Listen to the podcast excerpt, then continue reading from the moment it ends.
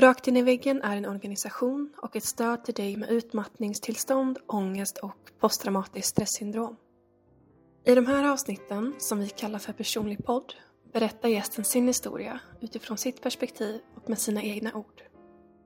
Du är varmt välkommen att återkoppla till gästen eller till oss på Rakt in i väggen efter att du har lyssnat på ett avsnitt. Vi hoppas att du får en givande lyssning och tack snälla du för att du tar dig tid att lyssna. Vi på Rakt in i väggen vill fortsätta växa och vi behöver din hjälp. Skulle du vilja bli en del av vårt team och bland annat ansvara över vår podcast? Då får du jättegärna höra av dig till oss.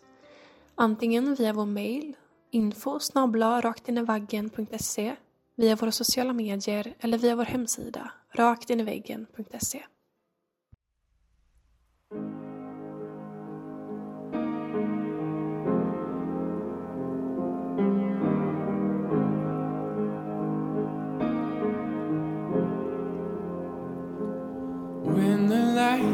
stripes. Suddenly, you stare.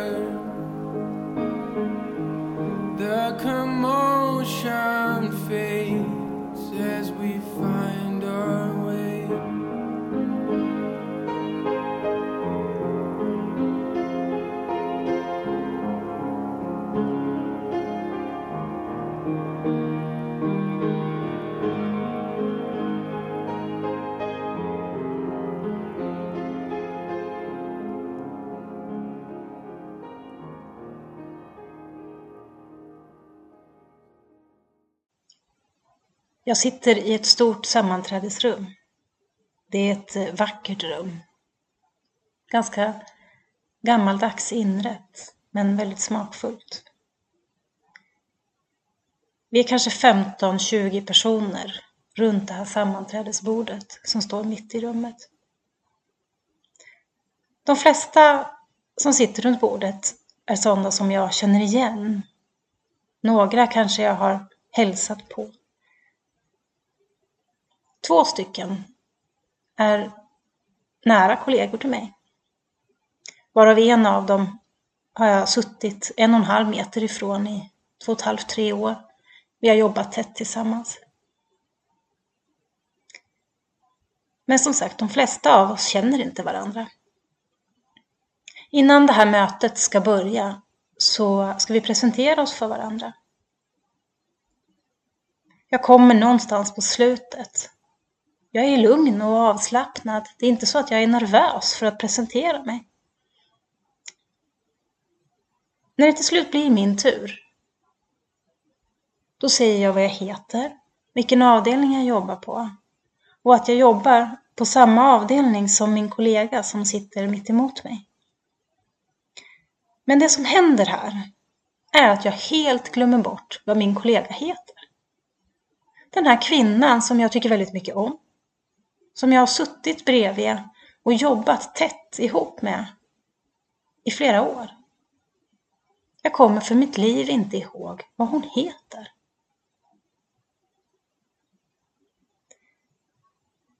Det här är det första som jag kommer ihåg av den här typen av händelser. Det är långt ifrån den sista. De blir ganska vanliga tiden som kommer efter. Till slut så pass vanliga så att det är ingen som direkt reagerar när jag inte kommer ihåg vad någon heter eller vilken avdelning de jobbar på eller annat sånt där som man, som man bara vet. Inte heller reagerar folk speciellt när jag pratar konstigt. När jag säger ord som inte är riktiga ord. Det blir som att, ja men, det är ju sån hon är.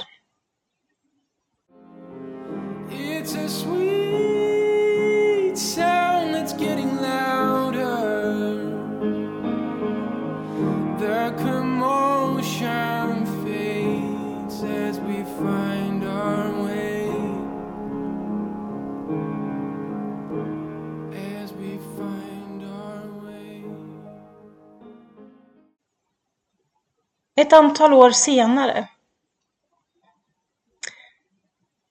här hemma i vårt hus, så ska vi ha gäster, nära vänner. Och det händer någonting som gör att jag blir så vansinnigt arg på mina barn. Jag skriker åt dem. Jag skäms förfärligt när jag berättar det här. Eh. Men jag skriker. Den kvällen så säger min dotter till mig. Mamma, du är inte som andra mammor. Du är bara arg hela tiden.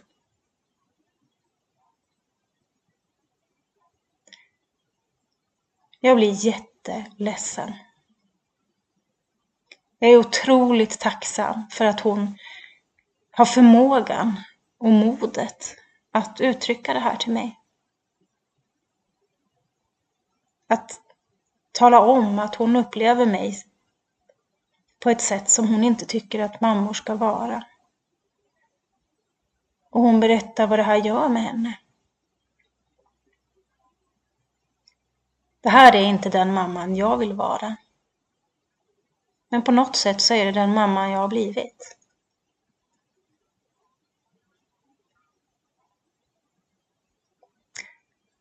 Jag är jätteledsen i ja, minst en vecka. Jag vet att jag gråter nästan varje dag. Och att jag flera gånger om talar om för min dotter att jag är tacksam för att hon vågade säga det här till mig. Att jag är ledsen för att jag har skrikit på henne. Att jag är ledsen att jag har blivit en sån mamma. Och att det inte är en sån mamma jag vill vara.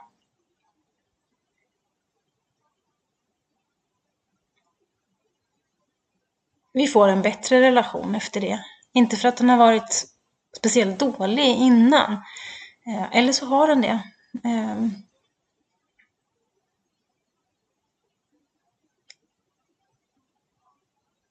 Det märkliga i det här, det är att jag, när jag kommit över den, den värsta chocken eller sorgen eller vad man nu kan kalla det för, över att jag har blivit den mamman som jag inte vill vara. Det är att jag bestämmer mig för att jag behöver lägga i en extra växel. Det här är inte okej. Okay. Jag måste vara en stark mamma. En glad mamma. En mamma som orkar göra roliga saker med sina barn. Som bakar med barnen, som tittar på film med barnen, som skjutsar på aktiviteter och gör aktiviteter med barnen. En mamma som ständigt finns där och alltid är positiv och glad.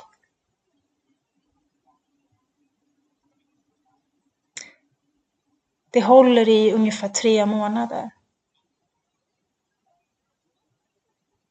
Efter tre månader så inser jag på något sätt att mina energidepåer är helt slut. Det är inte så att jag plötsligt vaknar en morgon och jag förmår inte kliva ur sängen. Men jag litar inte längre på mig själv.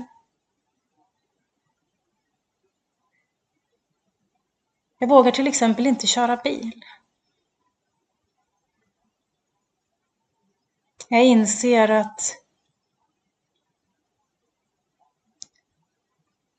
mina minnesproblem, mina kognitiva problem, mina talproblem, min klumpighet och för att inte tala om all den verk som jag har i min kropp. Det är tecken på någonting. Det är tecken på att någonting inte står rätt till.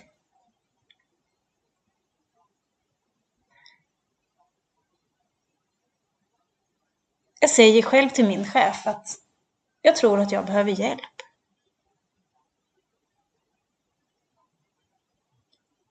Jag har en chef, eller hade en chef, då som eh, hon ställde inga frågor.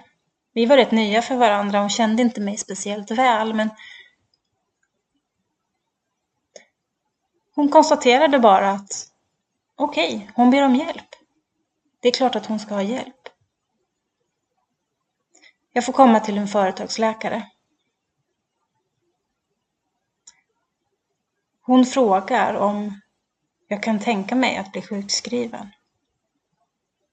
Jag tvekar för att vara sjukskriven i två veckor, det är ju det är jättelång tid. Hur ska det då gå med allt det där som behöver göras på jobbet? Och mina stackars kollegor, ska de behöva göra mina uppgifter också? Läkaren ber mig fundera på saken.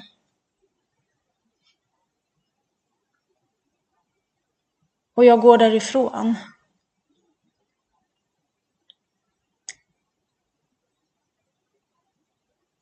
Och känner väl ganska omgående att ja, jag ska nog ta den där sjukskrivningen. Jag ska nog vila i två veckor. Och sen, sen kommer jag vara den person jag vill vara.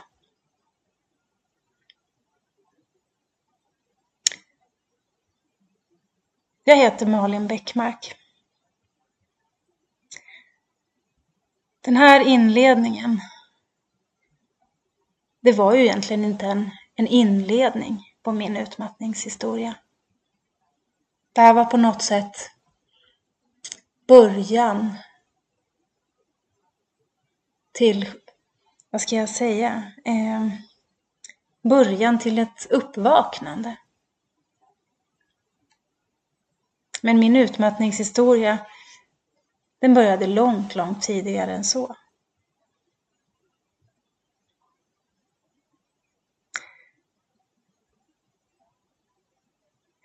Jag tar er med tillbaka. Kanske egentligen ända tillbaka till min barndom.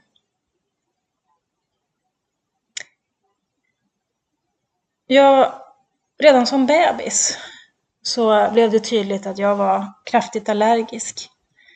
Jag var allergisk mot i princip allt. Jag hade eksem över hela kroppen. Jag sov väldigt dåligt redan som barn på grund av eh, att det ständigt kliade på min kropp. Jag orkade inte lika mycket som andra barn. Vilket är fullt förståeligt med de problem jag hade.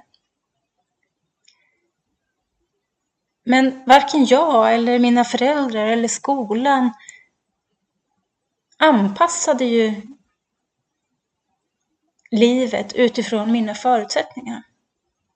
Utan jag skulle ju fungera precis som alla andra. Jag skulle prestera som alla andra. Jag skulle göra allting som alla andra.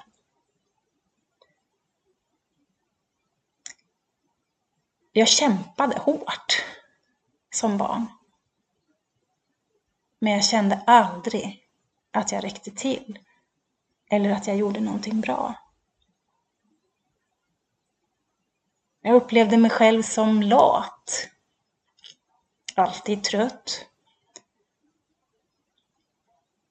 Ibland som att jag var helt dum i huvudet.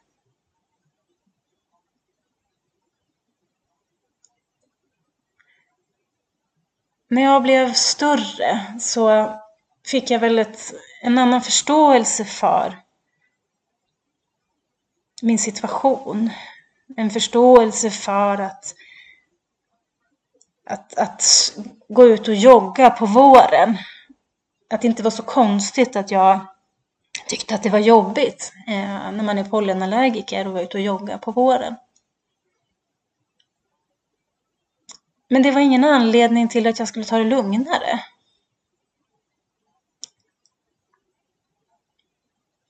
Utan det handlade väl bara om att jag behövde anstränga mig lite mer. Och acceptera att jag var sämre än andra.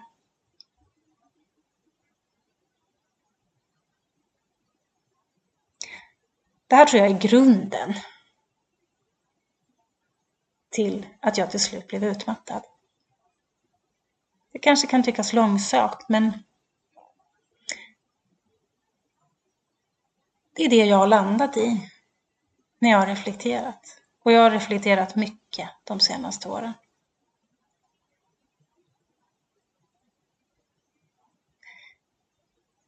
Vi hoppar fram lite i tiden. Vi kan hoppa fram till eh, 2005. Eller kanske lite tidigare, 2003, 2004 någonstans. Jag hade träffat Mats, som nu är min man.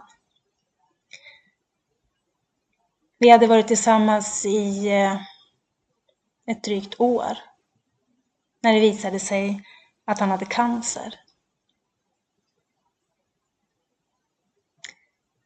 När vi till slut fick veta att det var cancer han hade så gick det väldigt fort med operation och sådär.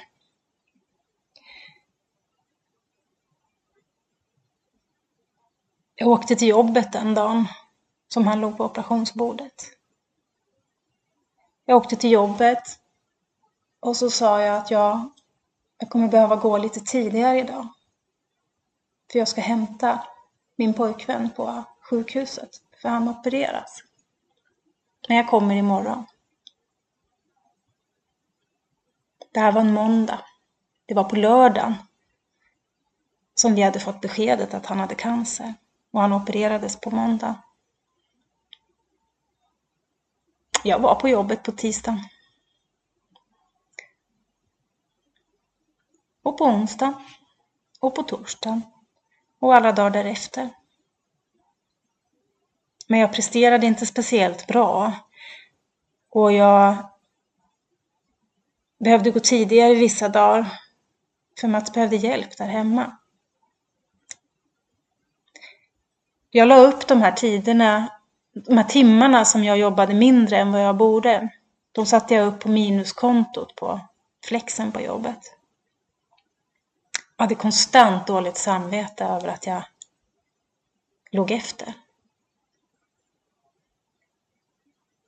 Den chef jag hade då, han... Jag tror att han... Han tänkte väl, men det blev rätt fel. Han sa, det är ingen fara, det här tar du igen sen. Till mig, som alltid har levt med den känslan av att jag inte är riktigt tillräcklig, att jag inte är tillräckligt bra, blev det här en signal till att jag måste kompensera. Jag måste göra rätt för mig så småningom.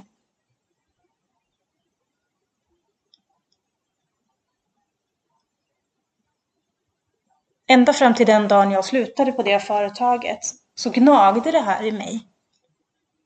Att jag hade varit borta ett antal timmar utan anledning, som jag då tyckte.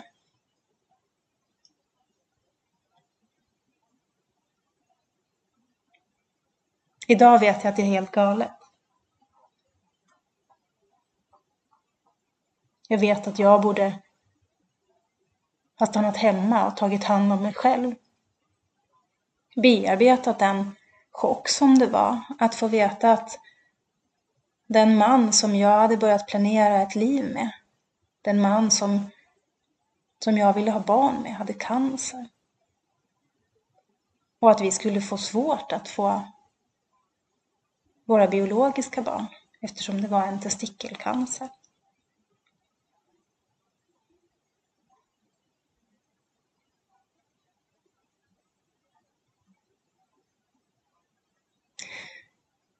Hur som helst, Mats blev frisk. Och vi gifte oss eh, 2005. Vi eh, började ganska omgående våra försök att bli med barn. Det gick inte så bra. Vi gjorde utredning. Vi startade eh, provrörsbefruktningar.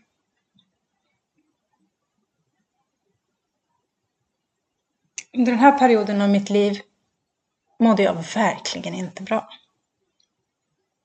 Alla som har gått igenom någon form av barnlängtan, barnlöshet, varit med om missfall eller som jag har gjort IVF-försök, provrörsförsök för att få barn, vet att det är en enorm stress. Det är toppar och dalar utan dess like. Jag jobbade 100 procent hela tiden.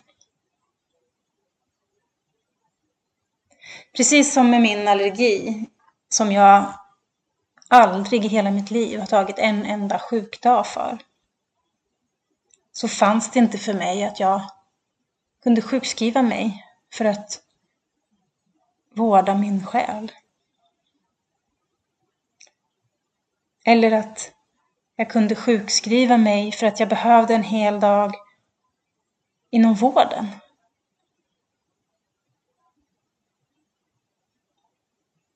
Utan det var tid som jag skulle jobba igen.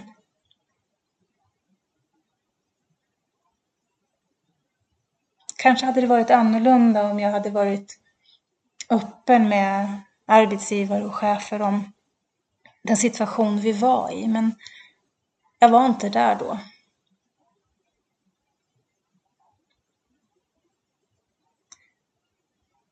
Jag minns tydligt vårt, vårt första provrörsförsök som, som inte lyckades.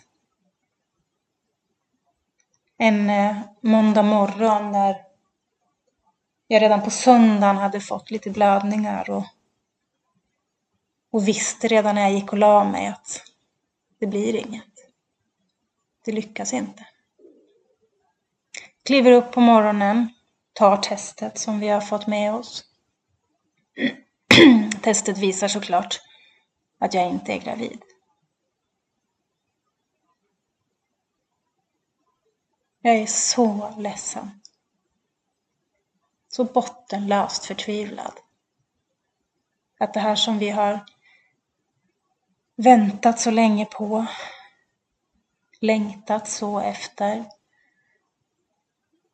all den medicinering som jag har genomgått för att komma dit. Ganska obehagliga undersökningar. Men det blir inget barn.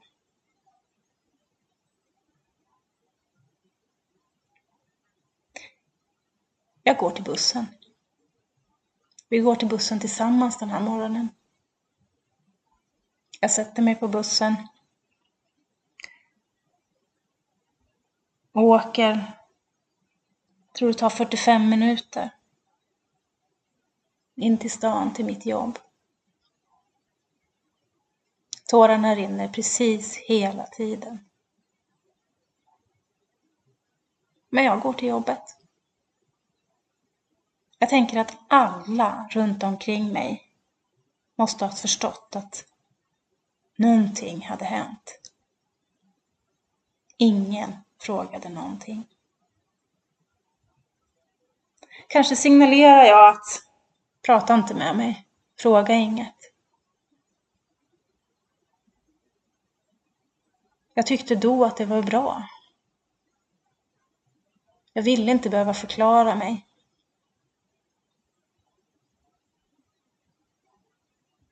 Men kanske, om någon där och då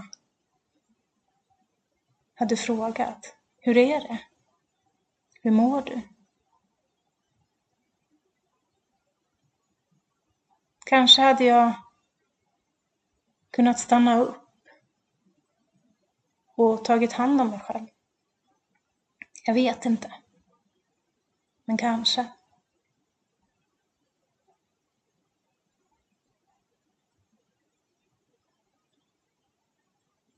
Vi hoppar fram några år. Vi fick till slut barn. Två stycken till och med. Båda genom provrörsbefruktningar. Men ändå, vilken lycka! Efter allt det kämpande så fick vi till slut två friska barn. Helt fantastiskt. Verkligen helt fantastiskt att det går. Jag är otroligt tacksam för mina två barn.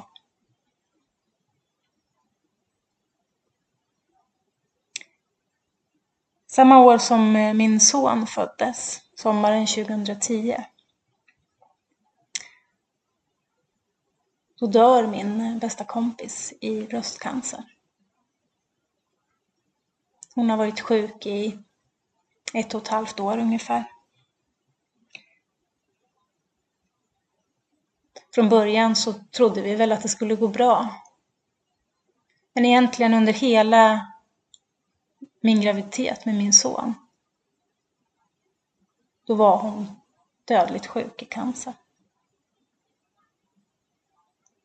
Hon dog när, när min son var några veckor gammal.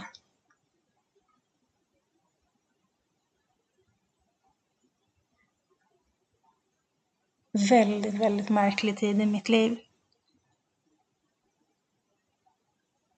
Enorm glädje och enorm sorg på en och samma gång.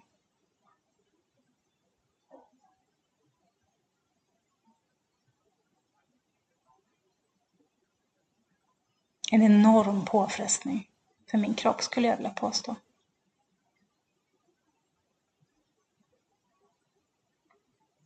Jag var föräldraledig med en liten bebis och en treåring.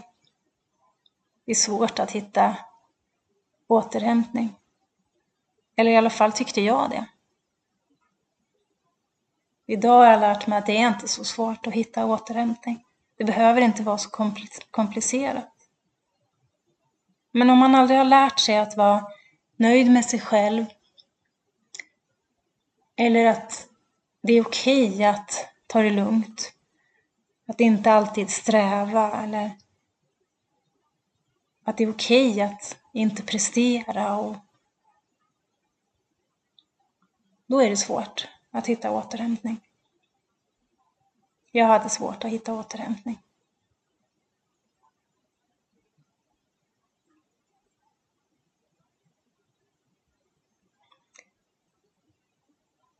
När min son var ungefär ett år, då gick jag tillbaka till jobbet. Min man skulle vara föräldraledig.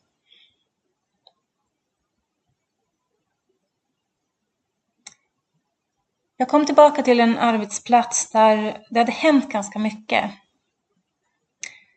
Jag hade jobbat där ungefär ett år innan jag var föräldraledig. Och på det här året som jag hade varit hemma då med min son så hade avdelningen i princip fördubblats. Från 10 personer till 20 personer. Vi hade väldigt många konsulter. Det var ganska det var stressigt. Det var mycket att göra. Och det var mycket rädsla i den här gruppen. Man behandlade inte varandra speciellt bra.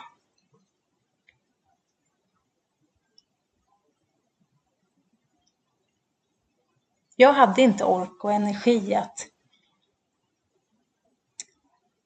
att ta tag i vad jag behövde på den här arbetsplatsen. Utan jag sveptes med i någon negativ anda och kände mig sämre och sämre på mitt jobb. Även om jag har haft problem med att jag alltid vill prestera och vill vara duktig och eh, man måste göra sitt jobb och man levererar alltid i tid och så vidare så har jag ändå någonstans känt att ja, men jag är bra på det jag gör. Men nu började jag känna en viss tvekan inför min egen kompetens. Och det på grund av att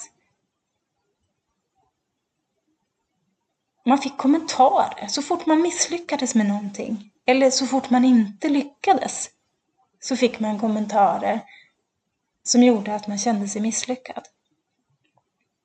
De här kommentarerna de kunde hagla eh, åt alla håll, inte bara åt mitt håll. Jag var inte speciellt utsatt så, men det skapade en stämning och en, en, en eh, atmosfär som inte var speciellt trygg och tillåtande.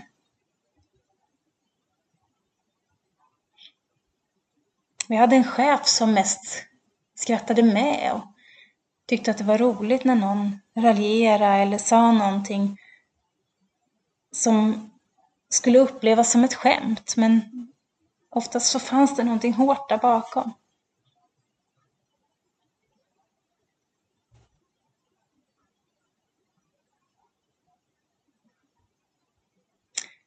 Efter ett tag så insåg jag att jag måste härifrån. Jag kan inte vara kvar på den här arbetsplatsen. Den, den äter upp mig inifrån.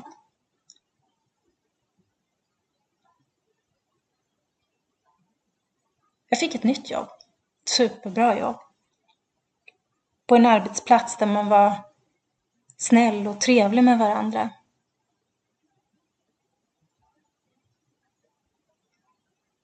Man fick ställa frågor, man var inte dum för att man inte kunde allting. Och jag började känna en revanschlusta. Nu ska jag visa vad jag går för. Nu ska jag minsann bli någon att räkna med på den här arbetsplatsen.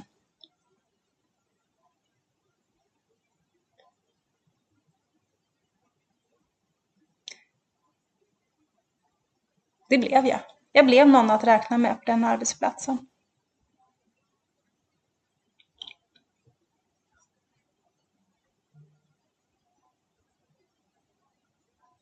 Och det trots att under mitt första halvår på den här nya arbetsplatsen så hände det massa saker i mitt privatliv. Mina svärföräldrar bestämde sig för att de skulle skilja sig. Efter 45 års äktenskap. Det här drabbade kanske inte mig personligen jättehårt. Men det drabbade mig ändå. För det påverkade min man oerhört mycket. Det blev allmänt stökigt. Min stora syster, hon bestämde sig för att lämna sin man efter 20 år. Jag satt i timmar i telefon med henne och lyssnade och lyssnade och lyssnade.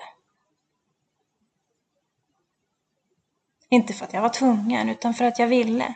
Jag ville vara ett stöd för henne. Och jag ville vara ett stöd för min man.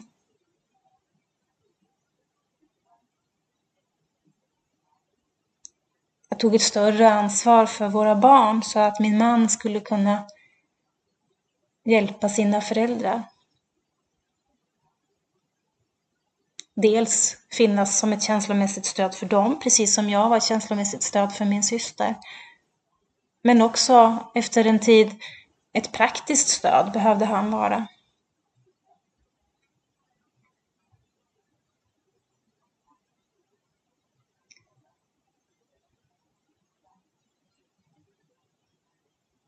Det här var på vintern, våren 2013. Strax efter påsk det året, då dör min farfar. Han var rätt gammal, det är naturlig, naturlig del av livet. Den äldre generationen dör. Trots det, det är en händelse som, som påverkar en. Jag var ledsen. Jag stod både min farmor och min farfar väldigt nära. Min farfar dog i famnen på min mamma. Som han komma dit när min farmor ringde och sa att Tage, som min farfar hette, han mår inte bra.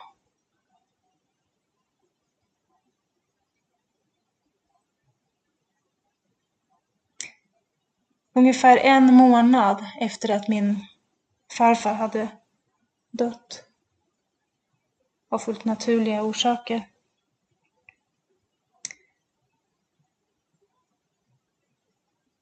Så kommer jag hem en dag efter jobbet och min man säger du behöver ringa till dina föräldrar.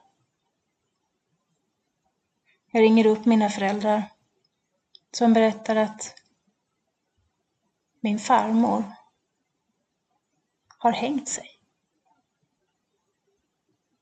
Hon har tagit livet av sig.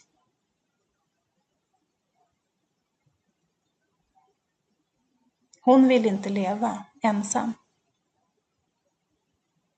Hon såg inget värde i att vara kvar. Dessutom så tyckte hon att det var praktiskt att, eh, att hon dog ungefär samtidigt så att eh, vi kunde ha begravning för dem båda samtidigt. Omtänksamt, eller hur?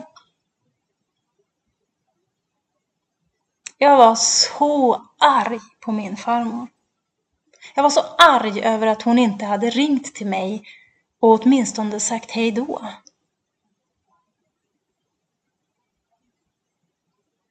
Och såklart var jag jätteledsen.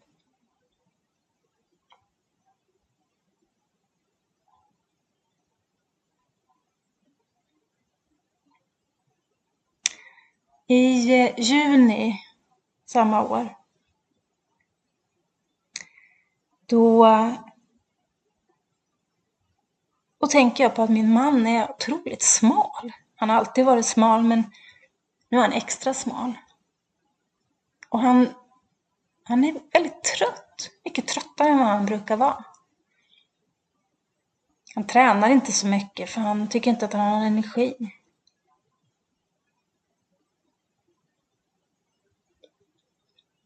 Jag börjar bli rädd för att han har fått tillbaka cancern. Att han är jättesjuk. Det visar sig att han är jättesjuk. Men inte i cancer. Han har fått giftstruma. Han blir sjukskriven och han får absolut inte göra någonting. Han måste vila för att skona hjärtat som kan drabbas väldigt hårt vid en giftstruma. Han får inte busa med barnen. Han får inte lyfta någonting som är tungt. Han får överhuvudtaget inte anstränga sig.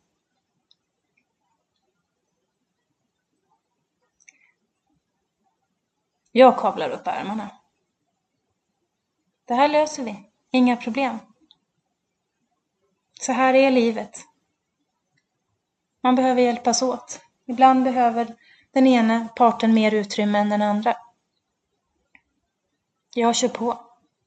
Jobbar 100 procent. Hämtar barnen på förskolan.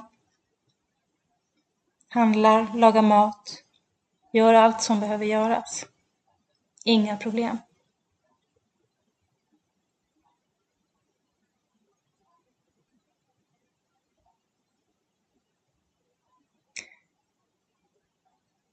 Och så ska jag ju förstås prestera på jobbet.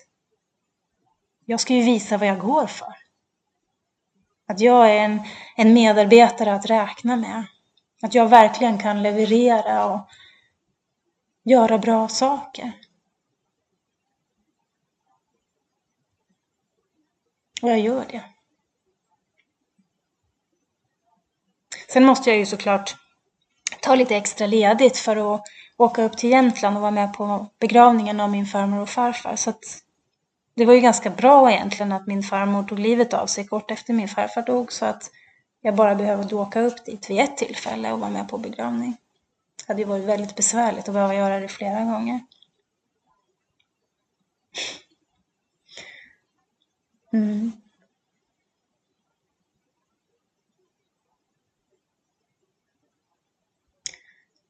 Och nu kanske ni sitter där och undrar varför berättar hon det här? Vad har det här att göra med en podd för rakt in i väggen? Det finns någonting som heter LCU, Life Change Unit, eh, där man i princip sätter poäng på olika livshändelser. Och egentligen säger det sig själv att om det händer väldigt mycket saker i ens liv så tar till slut energin slut. Det finns inte hur mycket som helst att ta av. Och det är egentligen oavsett om man upplever att man är bra på att ta hand om sig själv.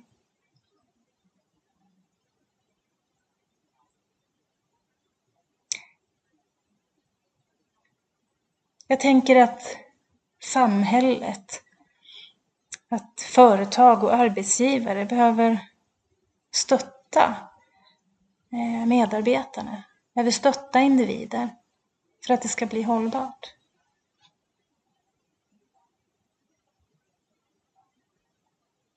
Att jag till slut, på den här arbetsplatsen, det jag verkligen lyckades bli någon att räkna med.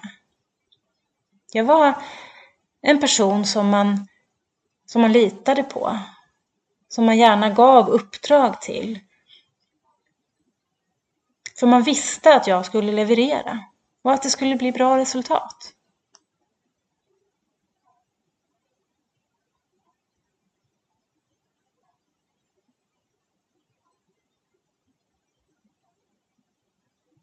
Men till vilken kostnad?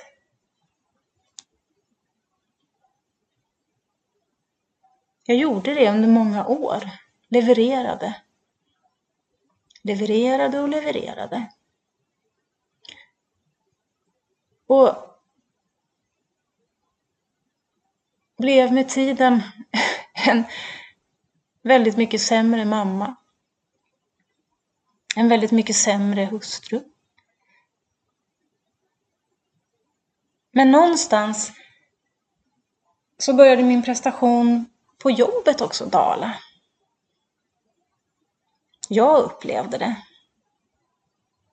Kanske inte alla runt omkring mig, men jag visste ju hela tiden att jag kunde prestera bättre. Och precis som, som jag gjorde hemma när min dotter säger till mig att du är inte som andra mammor, du är arg hela tiden. Där jag kände att nu måste jag växla upp, jag måste bli en mycket, mycket bättre mamma. Jag gjorde likadant på jobbet.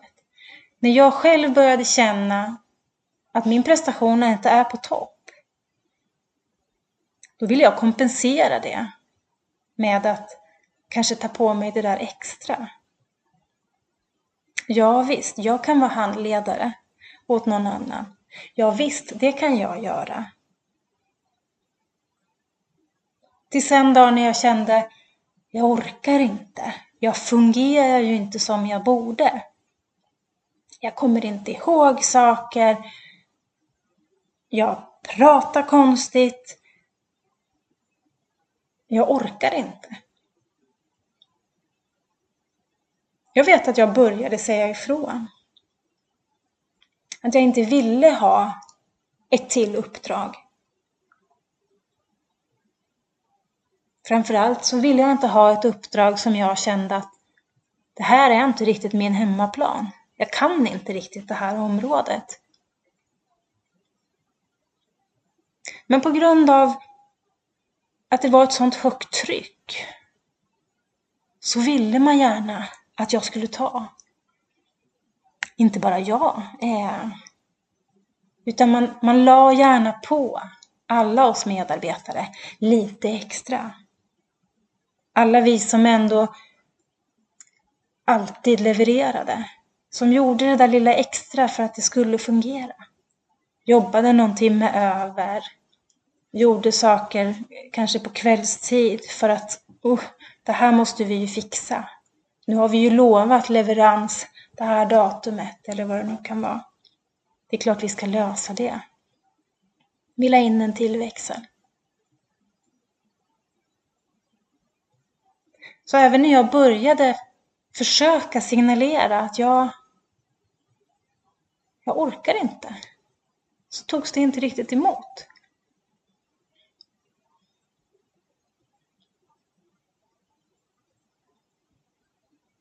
Och det jag menar är att det som till slut blev min utmattning, det handlar om många olika saker. Det handlar om min personlighet, om hur jag har formats, om de inre krav som jag har på mig. Men såväl, de yt, såväl som de yttre kraven som, som andra lägger på. Och sen har vi alla de här livshändelserna. Som ju egentligen alltid kommer. Mer eller mindre. Svårare eller lättare att hantera. Allt det här behöver vi ta hand om. Jag som individ behöver lära mig att ta hand om mig själv och mitt sätt att hantera det som händer. Men också samhället och företag och organisationer, ledare och chefer behöver lära sig det här. Och behöver förstå att hamna i en utmattning, det är någonting komplext.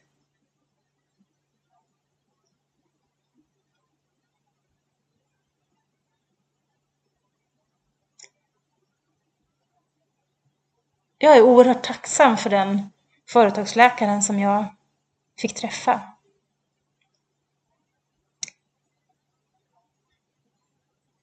Det var en, en klok kvinna. Jag berättade att, att hon skickade hem mig med en, en fråga. Att jag själv skulle fundera på om jag inte skulle ta en sjukskrivning. Jag vet att det kanske låter lite konstigt, men för mig var det bra. Att jag fick ta beslutet själv. Jag hade nog som den duktiga flicka jag var nog kämpat emot lite.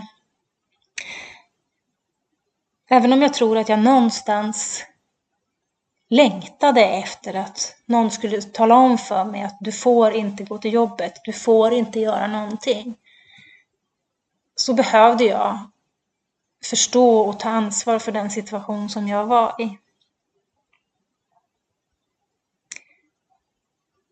Efter de två inledande sjukskrivningsveckorna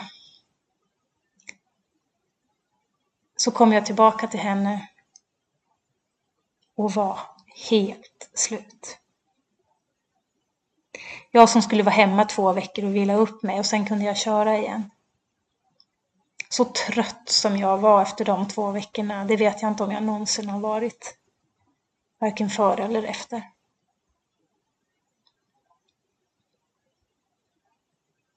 Jag kom in till henne i hennes rum och sen grät jag mig igenom hela det mötet.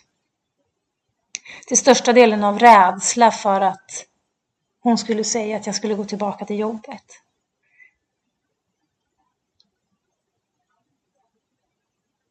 Hon hade väntat sig precis det här. Hon visste att jag inte bara skulle vara sjukskriven i två veckor.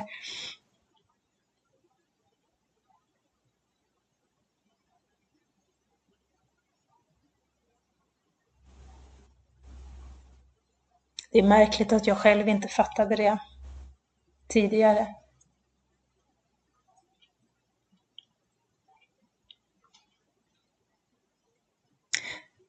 Allt som att var jag sjukskriven, ja, ett och ett halvt år. Nästan sex månader på heltid. Och sen gradvis jobbade jag mig upp.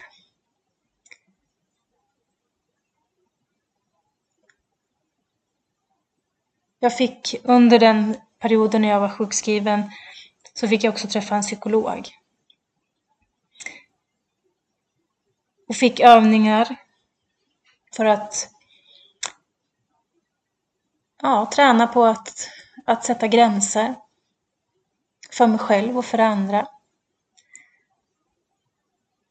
Att se på mig själv på ett annat sätt. Sänka mina egna krav på mig. Men också att sänka mina krav på min omgivning. För precis som jag hade höga krav på mig själv så hade jag också med tiden satt väldigt höga krav på framförallt mina nära och kära. Men även på mina arbetskamrater. Så på sätt och vis så kan man ju säga att jag blev en del av problemet på arbetet.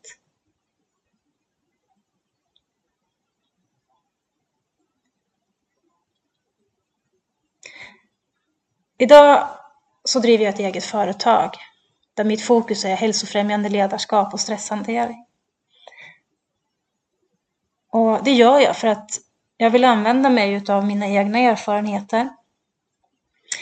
Dels av vad var det som gjorde att jag hamnade i utmattning? Men också hur, hur kan man jobba med sig själv om man redan är på gränsen till att hamna där?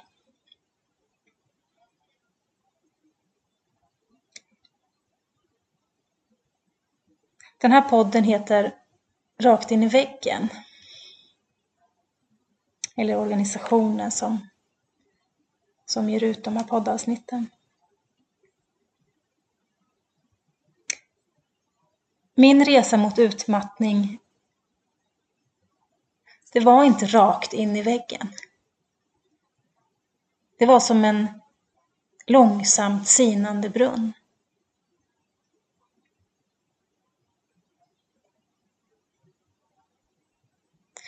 Den här brunnen, det var en liknelse som den här företagsläkaren hjälpte mig med.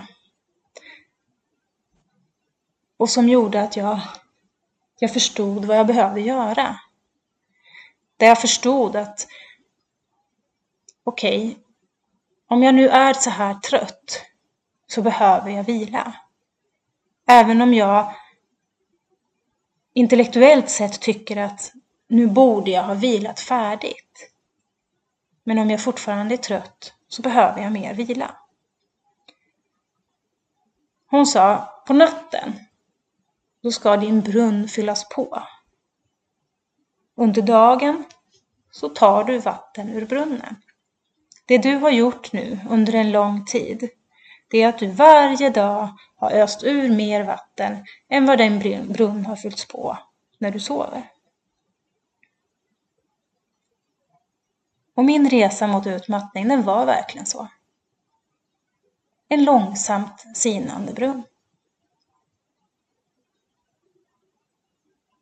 Under vissa perioder i mitt liv så fylldes den på lite mer.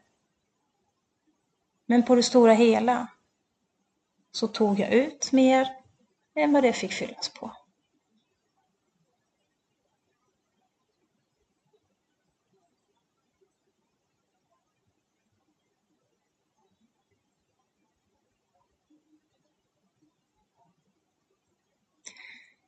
Idag mår jag ganska bra. Jag behöver periodvis fortfarande mycket vila.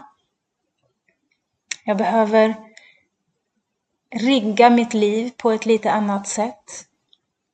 Om jag vet att en helg ska eh, att det ska vara mycket sociala aktiviteter en helg så vet jag att mm, då kan jag behöva ha lite extra tid för mig själv innan helgen.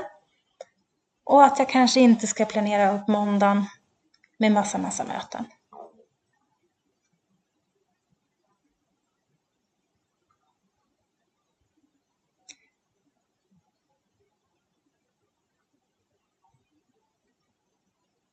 Jag blev sjukskriven 26 oktober 2018. Och jag vet det för 26 oktober är min pappas födelsedag.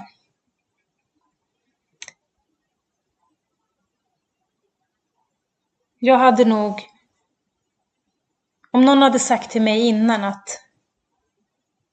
du kommer bli sjukskriven för utmattningssyndrom så hade jag nog aldrig trott att jag nu i december 2021 när jag spelar in det här, att jag fortfarande periodvis skulle känna mig utmattad.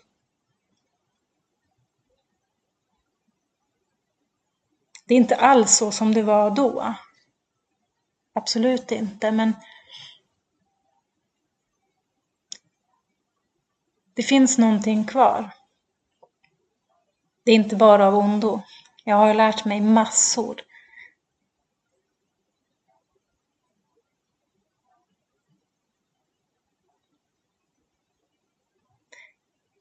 Men det är lika, Lika lång som vägen var till utmattning för mig.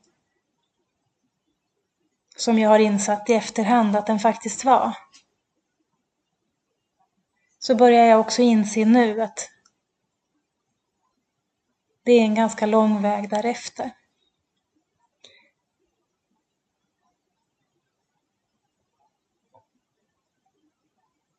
Och inte för att jag vill tillbaka till den jag var innan. Absolut inte. Jag vill inte ha de kraven på mig själv eller, eller de kraven på, på arbetskollegor. Jag vill absolut inte bli den mamman som jag var den hösten innan jag blev sjukskriven.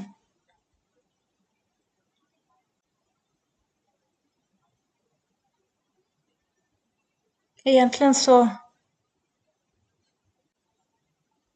så vill man ju inte tillbaka. Man vill ju framåt, oavsett. got to let you go. So when you come, then we'll both surely know.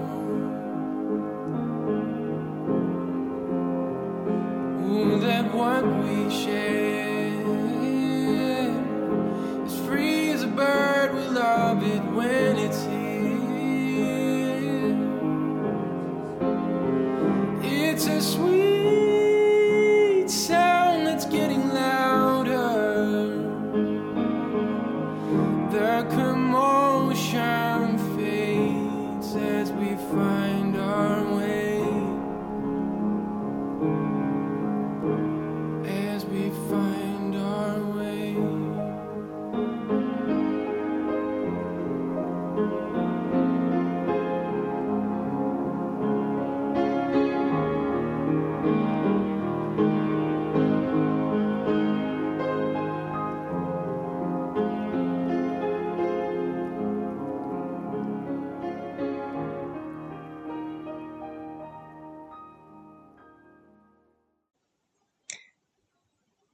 även om jag ibland kan känna att jag har slösat bort några år av mitt liv så är det ju år som jag har också lärt mig en massa saker och utvecklats.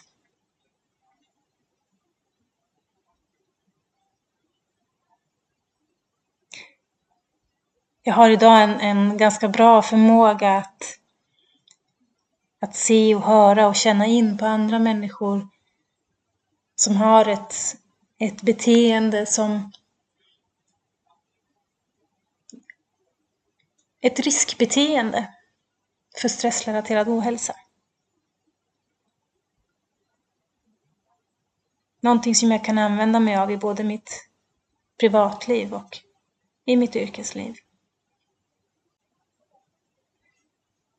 Företagsläkaren, eller om det var psykologen, jag kommer inte ihåg, gav mig en läxa. Något av de första tillfällena som jag var där.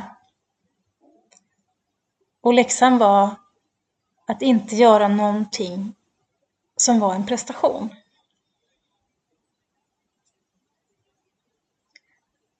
Jag började rabbla upp en massa saker som jag kunde göra då, passa på att göra när jag var sjukskriven.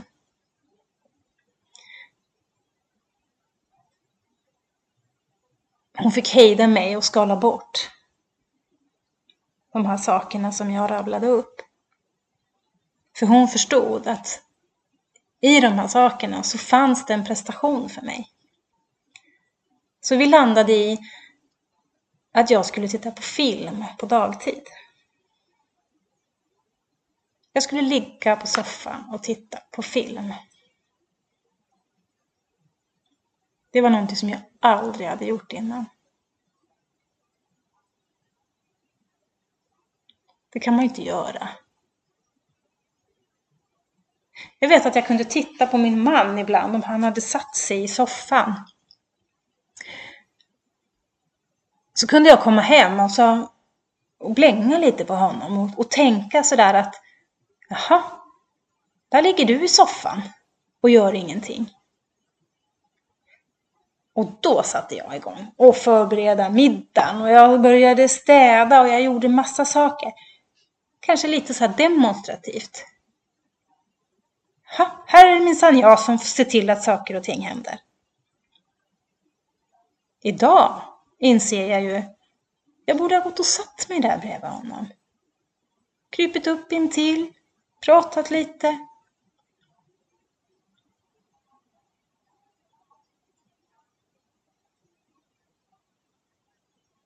Och när jag tänker efter så, det är ju sånt jag gör idag.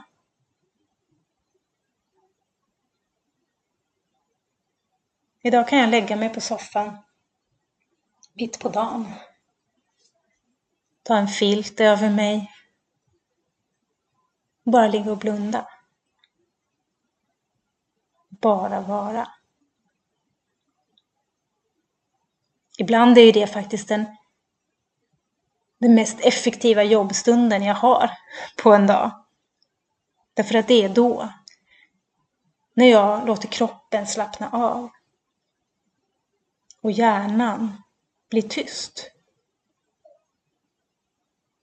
Det är då den kreativa processen startar. Det är då jag får tillgång till allt det som är jag.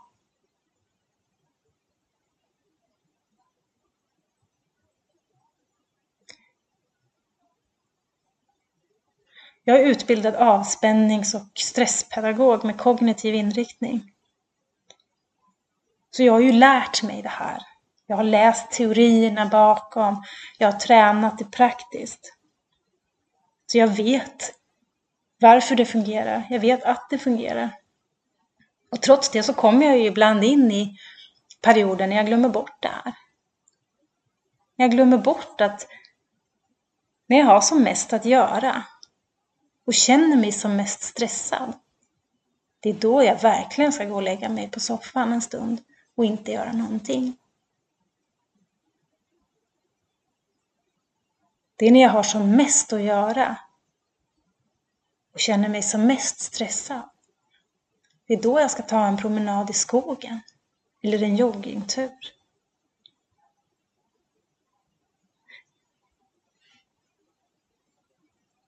Det är när jag har som mest att göra och känner mig som mest stressad som jag jag borde ringa en kompis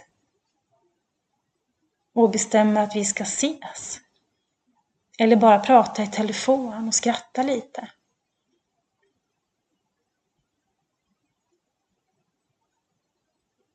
Det är när jag har som mest att göra, jag känner mig som mest stressad, som jag ska ta en paus och gå och bygga lego och bara umgås med min son.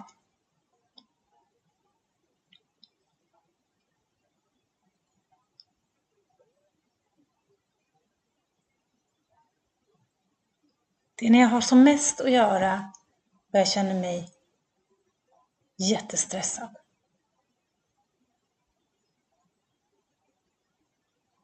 Det är då jag måste ta hand om mig själv.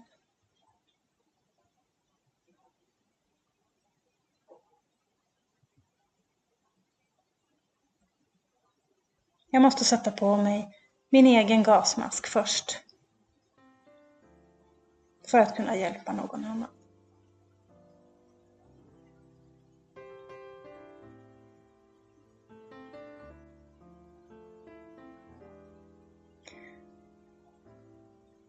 Jag heter Malin Bäckmark.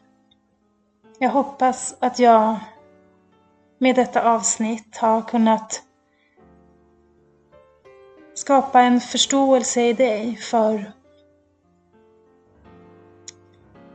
för ditt liv och för vad du kan behöva göra för att du ska må bra.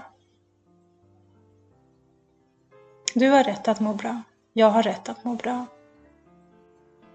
Vi behöver vara snälla mot oss själva. Vi behöver vara snälla mot varandra. Tack för att du har lyssnat. Jag hoppas vi ses.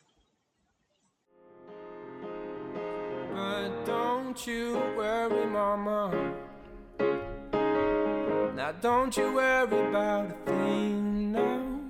The river always finds its way back to the ocean. Be so sure about that.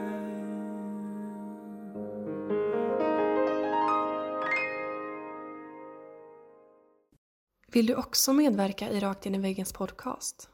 Besök i så fall vår hemsida för mer information på www.raktiniveggen.se medverkan. Om du vill tipsa oss om en poddgäst eller om du har en fråga eller synpunkt på det vi gör så kan du alltid mejla oss på info raktinivaggen.se för att få svar.